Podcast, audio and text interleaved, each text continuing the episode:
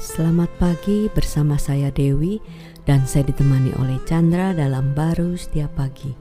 Amsal 16 ayat 24 dikatakan, Perkataan yang menyenangkan adalah seperti sarang madu, manis bagi hati dan obat bagi tulang-tulang.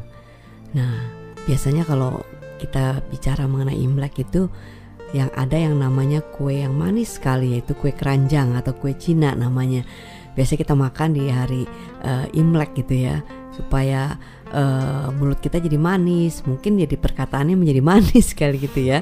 Tapi kita percaya uh, firman Tuhan itu perkataan yang manis itu uh, asalnya kan dari dari hati kita ya bukan dari makanan yang kita makan gitu kan. Ya sebenarnya kalau dari uh, apa uh, dari makanan ya terbatas saja hmm. atau dari tujuan tertentu kalau kita dulu masih kecil kita ingin dapat angpau kan kita ngomongnya manis-manis saja kepada orang-orang yang kita ingin dapatkan angpaunya gitu kan ada tujuannya Betul. ya tapi sebenarnya manusia itu butuhkan hati yang senang kan hmm. tapi anak kecil senang karena angpaunya tapi kalau kita mengerti bahwa uh, Tuhan itu uh, adalah uh, uh, di mana yang bisa menyenangkan hati kita ini kan. Hmm. Maka itu eh, ada tentunya perkataan-perkataan eh, yang menyenangkan di batasan manusia itu kan.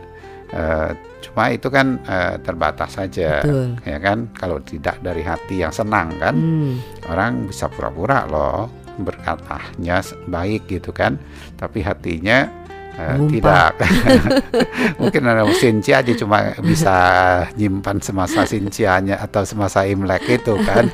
Tapi Setelah itu ya, ya lihat nantilah. ya nanti aja.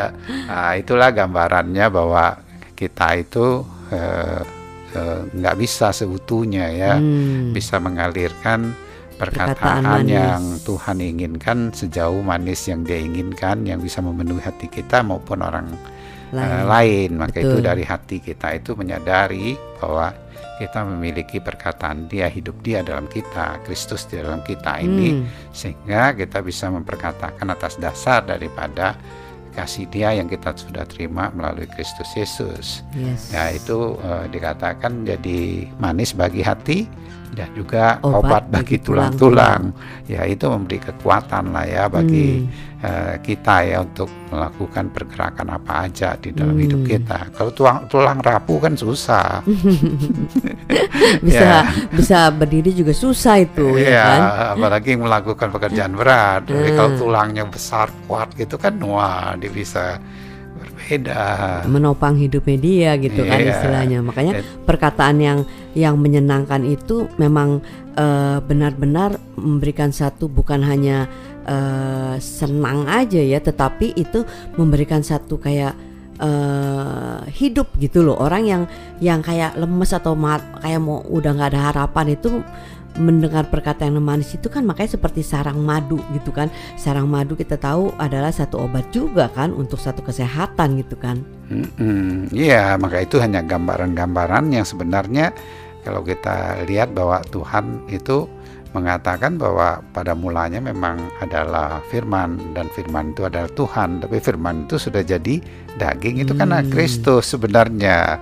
Uh, yang di mana dia bisa tinggal bersama dengan kita. Ya kalau kita melihat kepada uh, dia dengan kasihnya yang begitu besarnya hmm. ya tentu hati ini ya berasa Senang. manis saja di tengah uh, situasi kondisi apa pun juga apalagi kalau masa Imlek tentu tambah manis harusnya Amin. kan bisa keluar aja dengan ringan kesempatan-kesempatan untuk bisa mengeluarkan uh, perkataan-perkataan kasih yang menguatkan gitu Amin Amin